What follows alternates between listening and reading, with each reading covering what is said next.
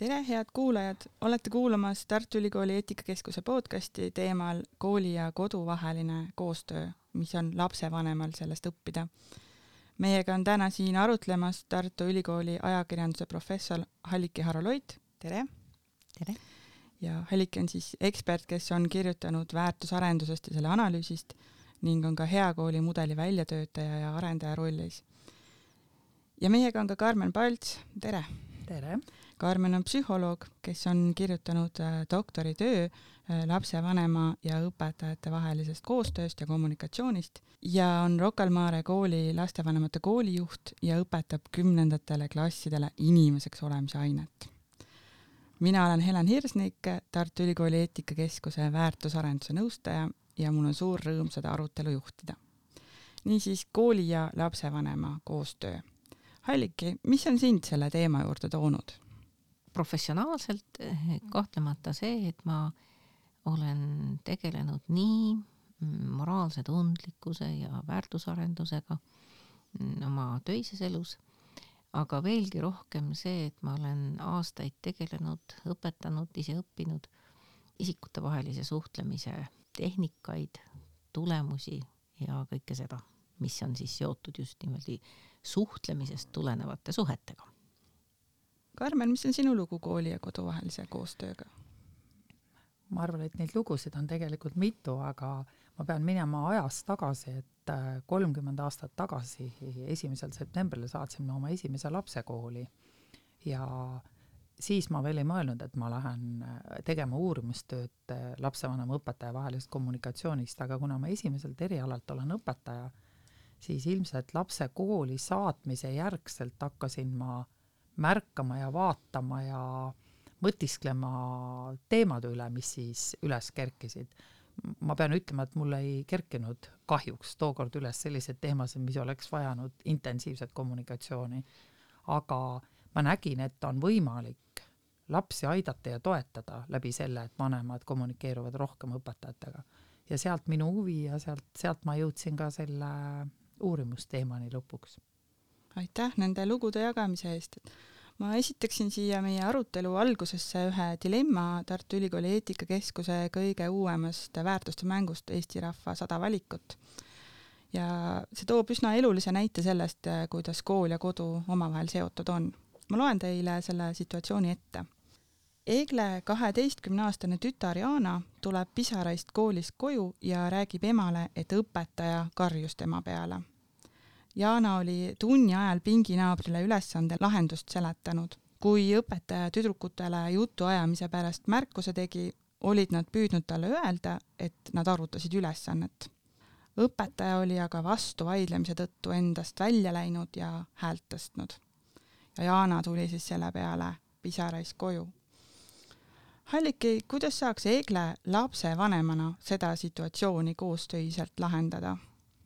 no kõigepealt ma usun, mina lapsevanemana püüaksin oma lapsega rääkida, lasta tal seda olukorda kirjeldada, võib-olla me arutaksime koos, miks õpetaja ei kuulanud.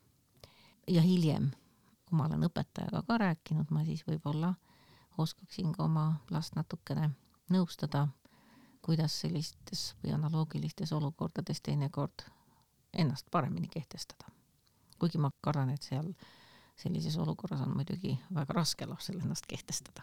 aga ma küsiksin õpetaja käest, et mis on tema tunni eesmärk. kas see on distsipliin ja vaikus või on see õppimine? ma ei alustaks selle küsimusega, muidugi, et ennem ma ikka läheksin õpetaja juurde ja paluksin noh, seda olukorda kirjeldada, nii nagu õpetaja seda näeb aga ma arvan, et üks küsimus, millele ma kindlasti tahaksin õpetaja käest vastust saada, on just nimelt see, et noh, kuidas ta, mida ta näeb oma tunni eesmärgina. Eh, minule kui lapsevanemale oleks kindlasti ja ma tean, et ma olen nende teemade üle juba kaua aega pead murdnud, tegelikult juba omaenda kooliajast saadik. et mis on see, mida me seal klassitunnis peame te tegelikult nagu tegema, kas me peame õppima, kas me peame õpetajat vaikuses kuulama kas me peame mingisuguseid ülesandeid vaikuses lahendama, kas me võime teha seda ühises arutelus, noh, võimalusi on ju väga palju. oma pika jutu lõpetuseks ütlen ma seda, et see tunni eesmärgi läbimõtestamine võib olla see, noh, kui me seda teeme sõbralikult, et võib-olla ma saaksin seda õpetajat isegi aidata, esitades neid küsimusi. Karmen, mida sina lapsevanemana sellises olukorras teeksid? Ma mõtlesin siin Alliki jutule kaasa ja kuna mul on ka tütar, siis automaatselt mõtlesin selle peale, et kui tema sellise jutuga koju tuleks ja teades, kuidas tema on nõndanimetatud loominguline laps ja emotsioonidega asju kirjeldab, et ma kindlasti laseksin oma lapsel rääkida, toetades teda siis seda, selle loo jutustamisel ilma hoiakuid võtmata, ilma näitamata, mis ma arvan. Ja siis ma rahustaks teda sellega, et ma kindlasti homme või ülehomme räägin ka õpetajaga, et püüan nagu selgust saada. ja emana teeks ma kindlasti seda, et ma järgmine päev näiteks organiseeriksin ennast last kooli viima ja püüaksin seda lugu nüüd uuesti, kui see öö on mööda saanud ja minu emotsionaalsel lapsel on emotsioonid veidi maha käinud või rahunenud, lugu uuesti kuulata. ja eesmärk ei ole siis mitte see, et tühistada seda lapse tunnet ja arusaama, vaid eesmärk oleks mul see, et aidata lapsel nagu mõista, kuidas tema emotsioonid mingeid pilte suuremaks teevad või siis ka teisendavad, sellepärast et kogu selle loo juures, mis mulle kõrvu hakkas, oli see, et tüdruk rääkis, kuidas õpetaja karjus tema peale, mitte nende kahe peale, kes koos juttu ajasid. aga õpetajaga vestluse otsa ma vist isegi ei küsiks seda, mis ta tunni teema on ja mis ta tunni eesmärk on vaid ma emana püüaks võib-olla õpetajale kirjeldada, kuidas või psühholoogina, kuidas selline käitumine lapsele annab vale signaali, tekitab tunde, et ta on midagi valesti teinud ja võtab ära selle julguse järgmine kord võib-olla kaasa rääkida ja kaasa arutada.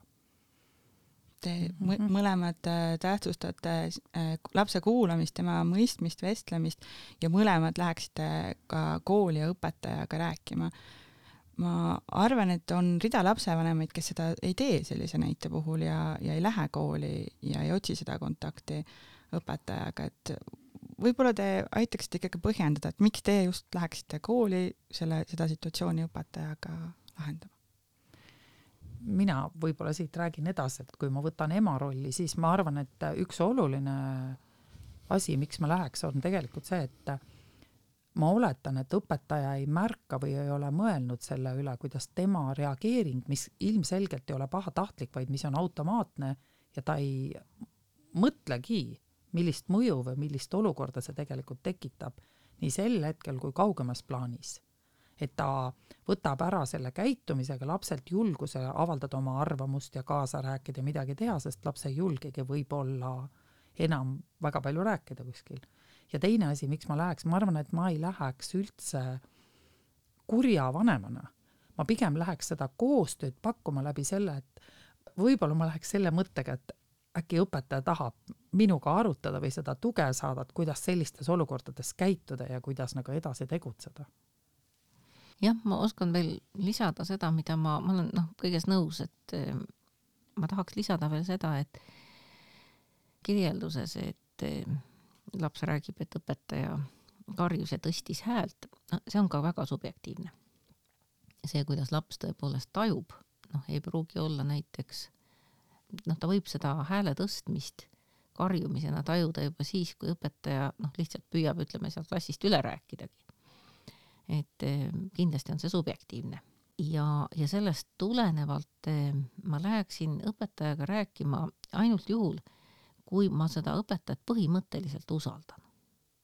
et kui mul noh, nii nagu Karmengi ütles, et mul on see eeldus, et ta tegelikult noh, on valmis seda situatsiooni mitmelt poolt vaatama ise ka ja, ja tahab seda lapse reaktsiooni arvesse võtta ja tundma õppida.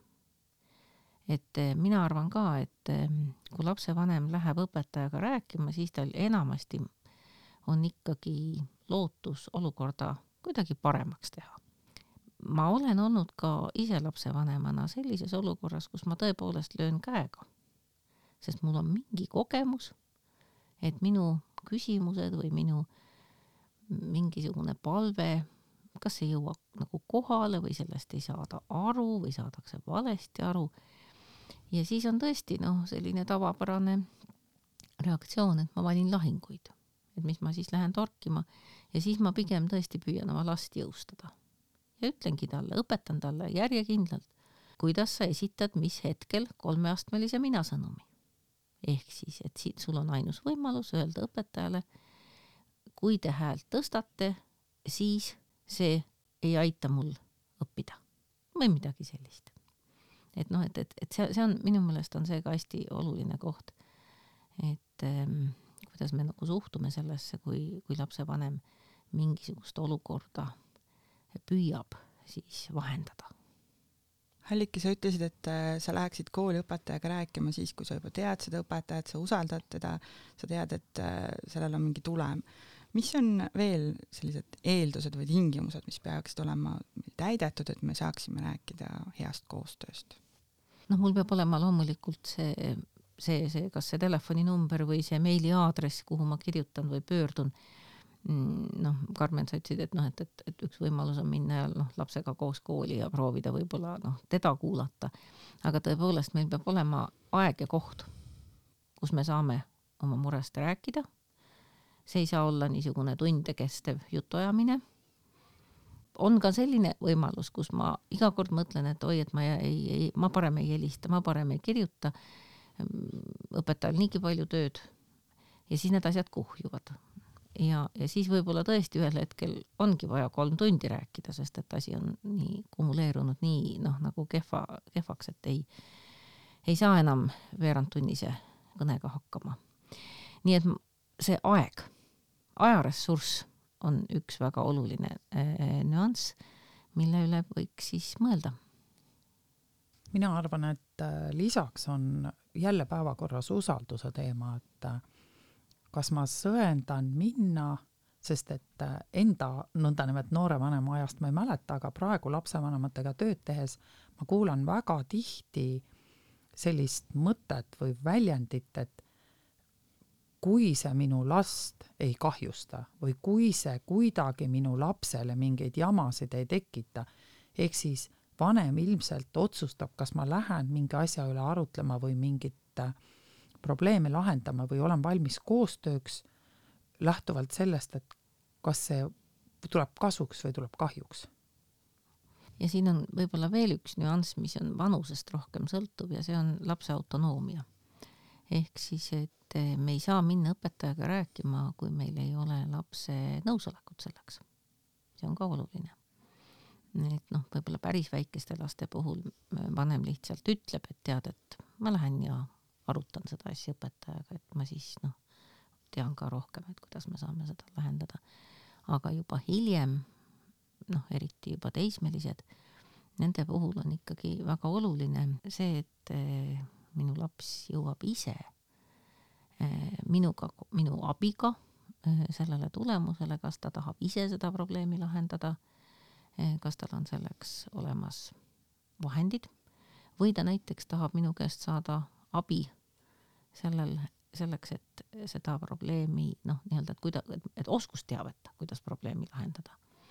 või kolmas variant, et ta tõesti noh, ütleb, et vaat, et noh, et, et siin me võib-olla peaksime minema koos ja rääkima me lepime kokku, et me tegelikult ei räägi üle kellegi pea, vaid me räägimegi sellest situatsioonist kõik kolmekesi ja siis vanem võib võtta niisuguse moderaatori rolli natuke.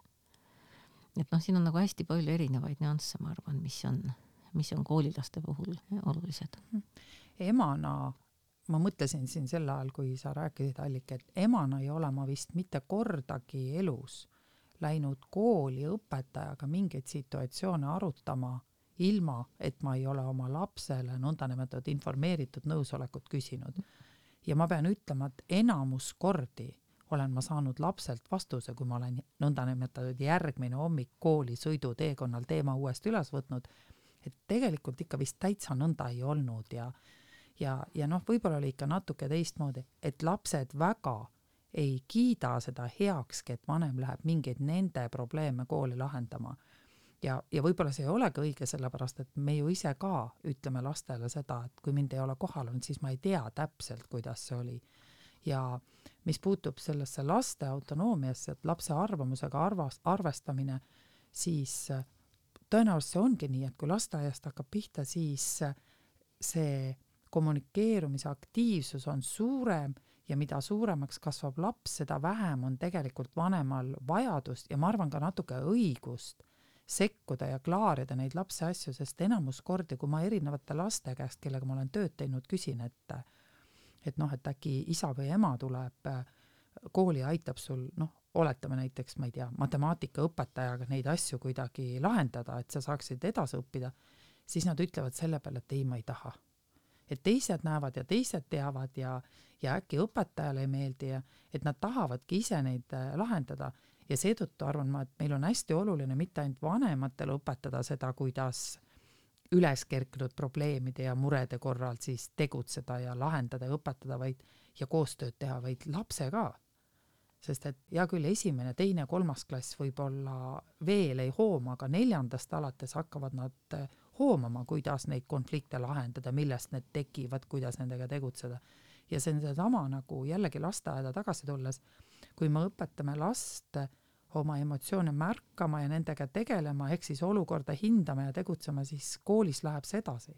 ja on sama tuge vaja ja sama tegutsemist vaja jah, ma olen, ma olen selles mõttes hästi-hästi-hästi nõus, et ähm, ütleme, et see kommunikatiivne sekkumine väheneb äh, seda rohkem, mida rohkem on lapsele antud enne seda kommunikatiivseid oskusi mm.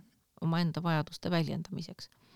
Aga nüüd, kui siit nüüd kommunikatsiooni noh, nii-öelda koormus tõesti ära võtta, et siis noh, kus ikkagi jääb äh, lapsevanema ja ja kooli või õpetajaskonna koostöövajadus on ikkagi noh, need valdkonnad, mis ütleme just võib-olla põhikoolis, aga, aga, aga miks ka mitte noh, gümnaasiumis mõnikord ikkagi ei jõua, tähendab, kus noh, laps, laps üksinda ei saa hakkama. Noh, nimetame kõiki erivajadusi, nimetame vaimse heaoluga seotud probleeme, nimetame läbipõlemissündroomi, väga vähest und, noh, kõikvõimalikke niisuguseid juba tõsisemaid probleeme, kus ilmselgelt noh, kus ütleme, et kus õpetaja ja vanem peaksid ikkagi väga noh, nagu eh, selgepilguliselt hindama, eh, mis on kõige tähtsam, vot siin tulevad need väärtusvalikud. ja, ja minu suur mure ongi see, et eh, mõnikord on vaja vanematel ja õpetajatel koos need omaenda väärtusvalikud ümber hinnata. ei ole kõige tähtsam saavutus, ei ole kõige tähtsam see, et sul oleks neljad-viied, midagi muud on tähtsamat et ja vot siin on see koostöökoht, kus me ei saa noh, enam rääkida, noh, võib-olla me saame rääkida, loomulikult aut-, lapse autonoomia on väga tähtis, aga, aga et noh, kus see tema ümbritsev seltskond peab ka hakkama väärtusselitusega tegelema. Ja päris ausalt. ja see ausalt, see on üks selline hea sõna, et ma laste puhul klienditöös enda lastega ja, ja, ja üldse paljudega, kellega kokku puutunud olen, olen tähele pannud, et kui lapsel on õppimisega mingid probleemid tekkinud või toimetulekuga, siis lapsed arvavad ise, et noh, ma olen palju õppinud ja ma olen palju teinud või, või et vastupidi, et ei ole teinud ja kehvasti läheb ja need on need kohad, kus tegelikult seda koostööd lapsevanema ja õpetaja vahel on eriliselt vaja, sellepärast et koos tuleks kaardistada see, et kus seda tuge vaja on teismelistel lastel on näiteks see omadus, et need, nad kardavad seda tunnistada nii lapsevanemale kui ka õpetajatel kui ka klassikaaslastel näiteks, et ma ei saa matemaatikast aru. Ja seetõttu on hästi oluline, et vanem märkab seda, et kui palju ta pusib, kuidas ta selle hinde üle kurvastab ja pisaraid valab, kuidas ta kommenteerib, et mul ei olegi seda vaja, ma ei, ma ei õpigi seda ja nende märkide järgi tegelikult on see koostöökoht, et ma arvan, see on julge lapsevanem, kes ausalt räägib õpetajale, et mõtleme koos, millist abi ta vajab ja millist tuge ta vajab. ja sellega olen ka nõus, et on lapsi, kellel on see sooritus, vajadus või arusaam sellest, kust ta jõudma peab ja mis ta tulemus peab olema nii kõrgel, jätame selle kõrvale, kust see tuleb, et äh, tegelikult peabki vanem sekkuma ja jällegi on vaja seda koostööd, kuidas säästa seda last ja kuidas siis toetada tema arusaama, et äh, mida ta peaks saama ja mida mitte. Te olete siin äh, mõlemad põgusalt rääkinud ka sellistest äh, olukordadest, mis puudutavad sellist hariduslikku erivajadust või nagu selles näiteski, et see matemaatika on, on väga raske. ometi sellised äh, lood ja näited haridusliku erivajadusega lapsest ja siis kodu ja kooli vahelisest koostööst äh, on ikkagi rida selliseid juhtumeid, kus on koostöö ebaõnnestunud ja ei ole kõik omavaheline suhtlus hästi läinud, et millest see võib tingitud olla? ma toon mõned niisugused näited, et äh, ma arvan, tänapäeva kool on väga suure koormuse all kui me räägime hariduslikest erivajadustest, nende märkamisest. no näiteks seesama autismispektri häire on väga keeruline, seda on keeruline märgata, selleks eh, noh, psühholoog on tavaliselt saanud väljaõppe, eripedagoog on saanud väljaõppe, kui paljudes koolides nüüd noh, niisuguse väga tippharidusega inimesi parasjagu jagub, seda me kõik teame, et natuke ei, justkui ei jagu. ja, ja vot siis nüüd ma arvan, et see noh, minu jaoks ikkagi see teadmus ja teadmine on üks asi, mis eh, tekitab tõkkeid. anoreksiat, buliimiat, noh, kõik niisugused vaimsed, vaimsed probleemid, need, nende, nende, nendega ei ole nii, et noh, et, et tavaõpetajal oleks see teadmiste ja oskuste pagas kohe võtta.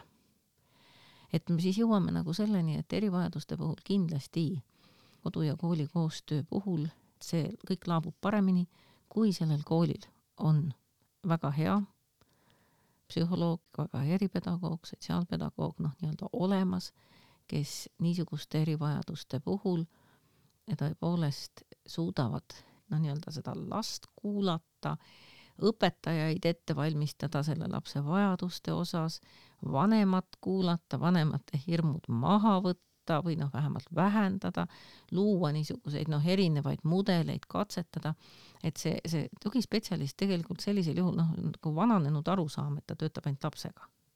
tugispetsialist töötab kogu võrgustikuga, vanemate, õpetajatega, juhtkonnaga mõnikord selleks, et see laps saaks mingi erisuse.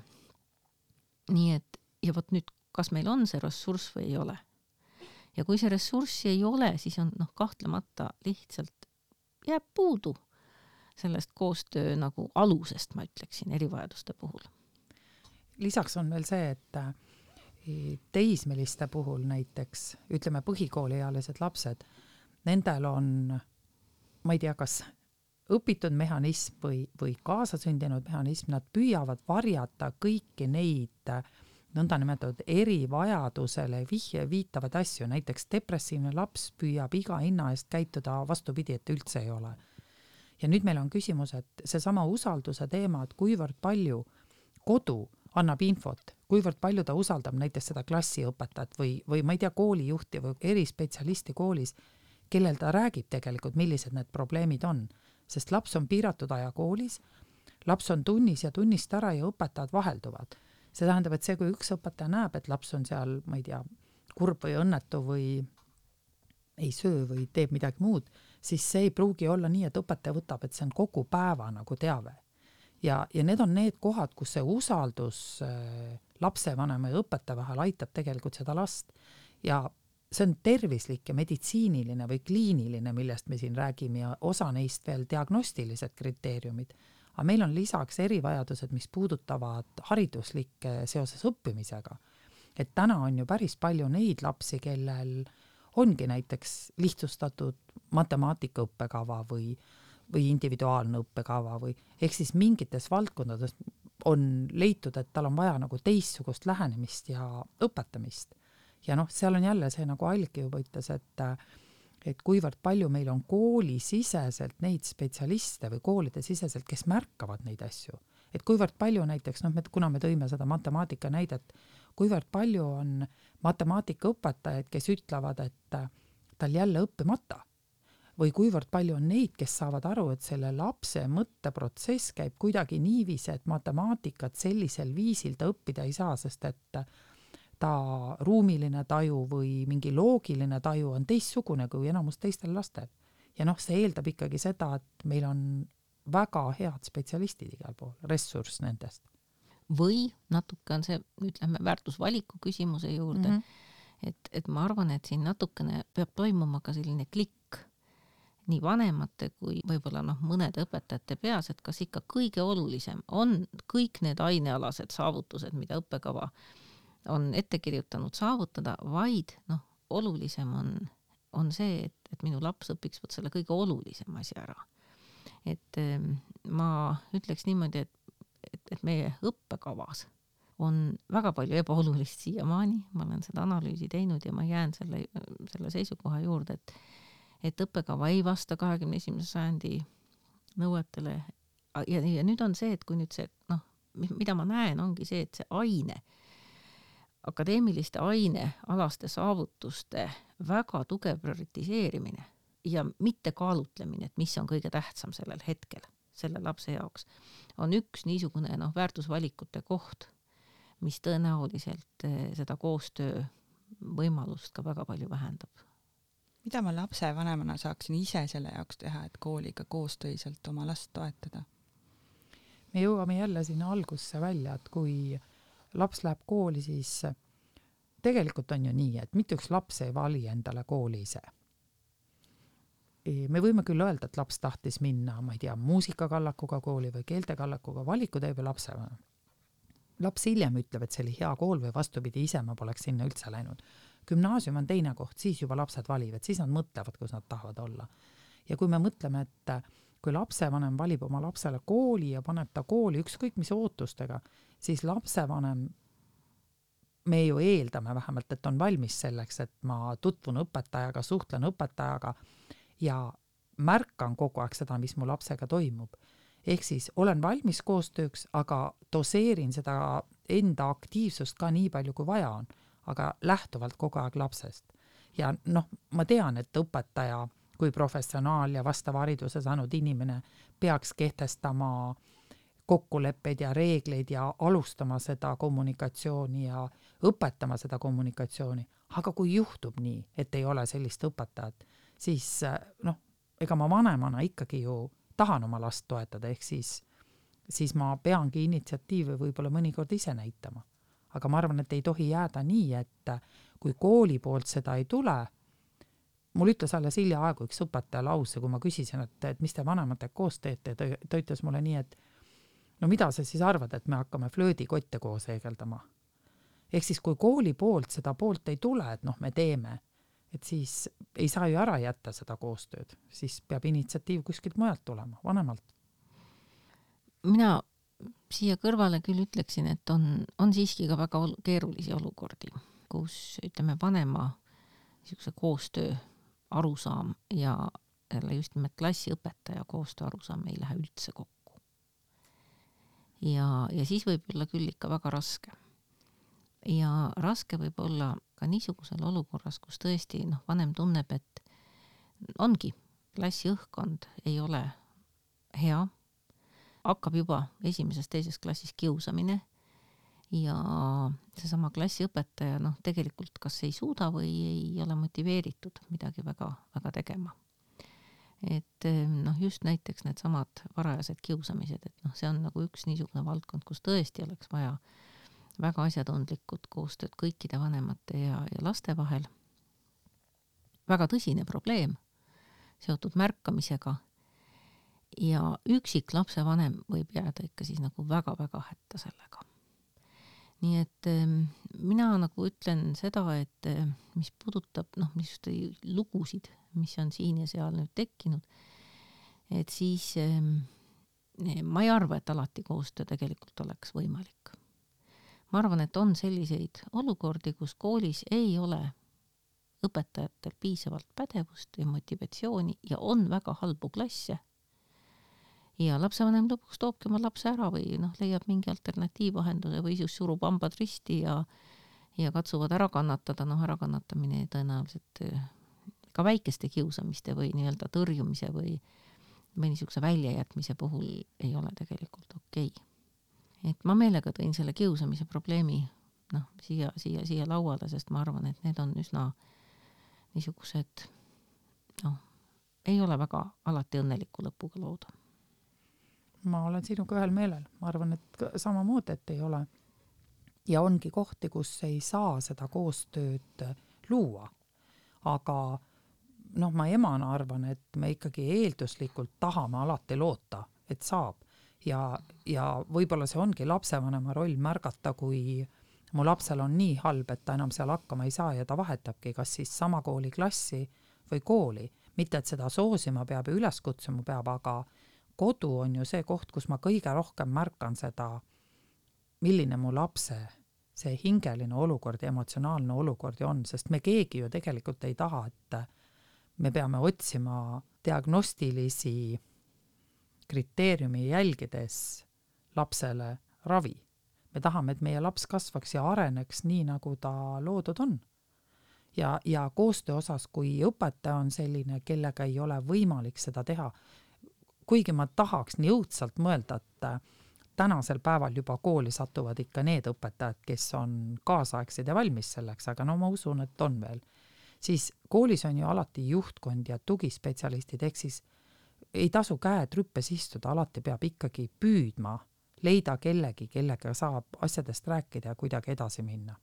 et äh, meil on ju lapse huvi see, et laps saaks toetatud.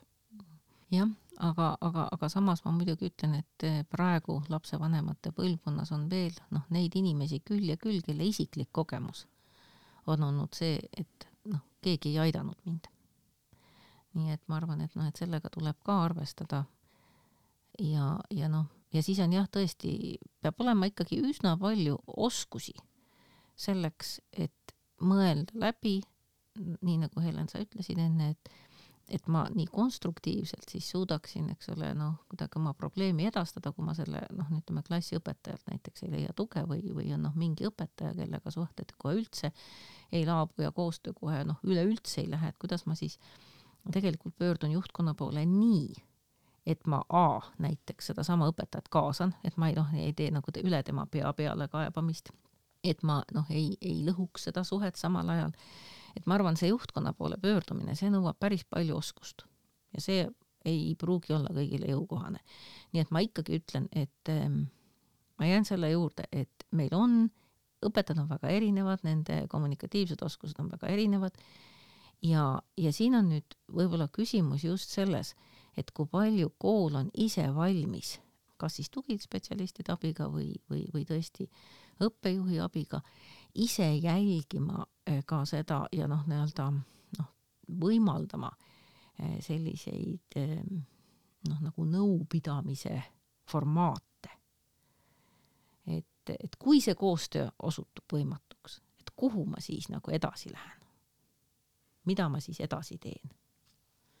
Ja teisest küljest eh, mulle tundub, Halliki, sa ütlesid, et eh, lapsevanemalt nõuab see ikkagi teatud oskusi ka juba pöörduda näiteks juhtkonna poole.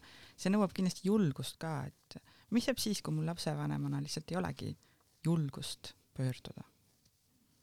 et siis peaks ütlema, et eh, kahju on lapsest, eks ole, ja ongi kahju, aga ma arvan, et neid vanemaid on päris palju, kes ühel või teisel põhjusel ei julge pöörduda ja olgu see siis äh, tekkinud kommunikatsioonibarjäärid mingitest vanadest kogemustest või halbadest äh, läbielamistest.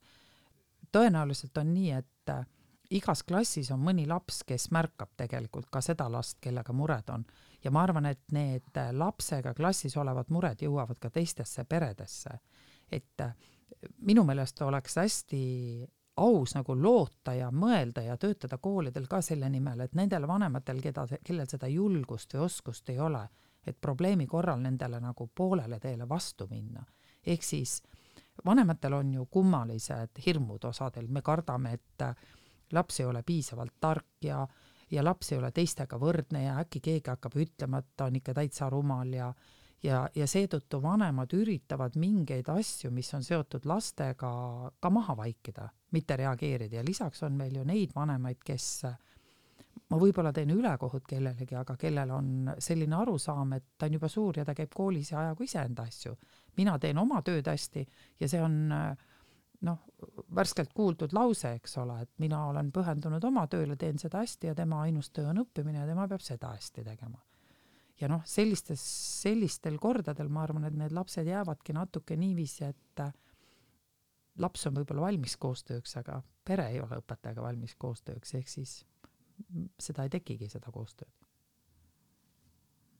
mina olen ka olnud lapsevanemana olukorras, kus eh, minu laps ei olnud nii-öelda löögi all.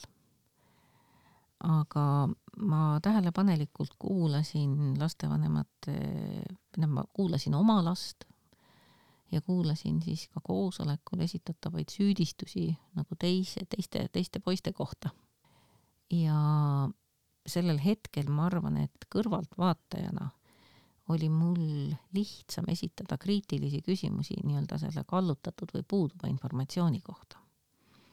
et ma olen, Karmen, sinuga nõus, et on vist küll lapsevanemal ka kohustus mõnikord jälgida, et mõnele teisele lapsele ei tehta noh, kas kogemata või emotsiooni põhjal ülekohut.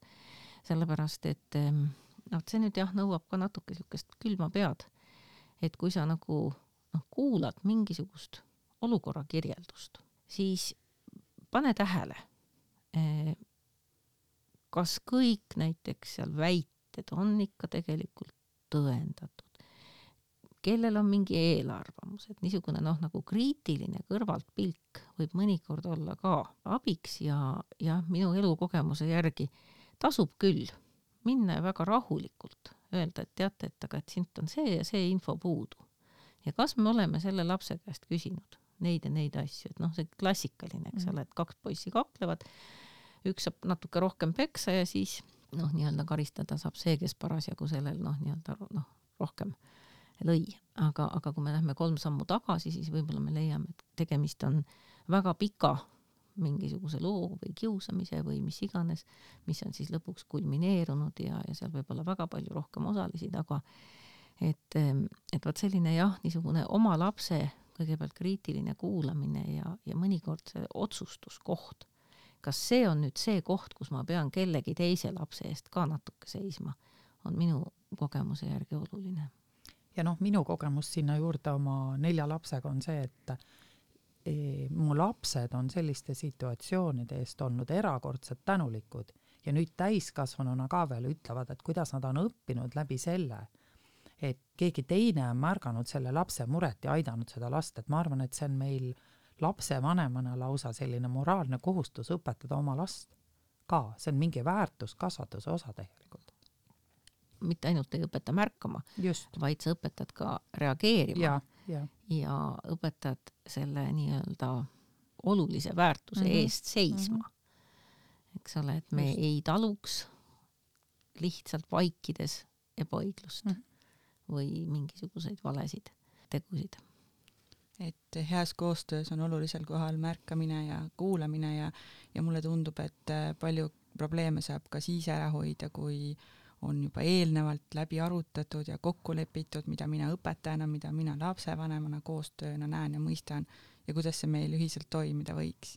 Karmen, sa ütlesid ennist, et äh, selline doseerimine on võib-olla natuke tunnetuslik, et äh, kui palju anda infot või kui palju teha koostööd, kes algatab seda. kui ma nüüd lõpetuseks teie käest siit küsin, et kui te saaksite ühiselt koostöös luua kooli ja kodu eduka koostöö retsepti, siis millistest osadest ja mis doosidest see siis koosneks? mina siin alustan, et esimene on kindlasti usaldus ja teine on koolipoolne teadmine, et laps on kodu oma.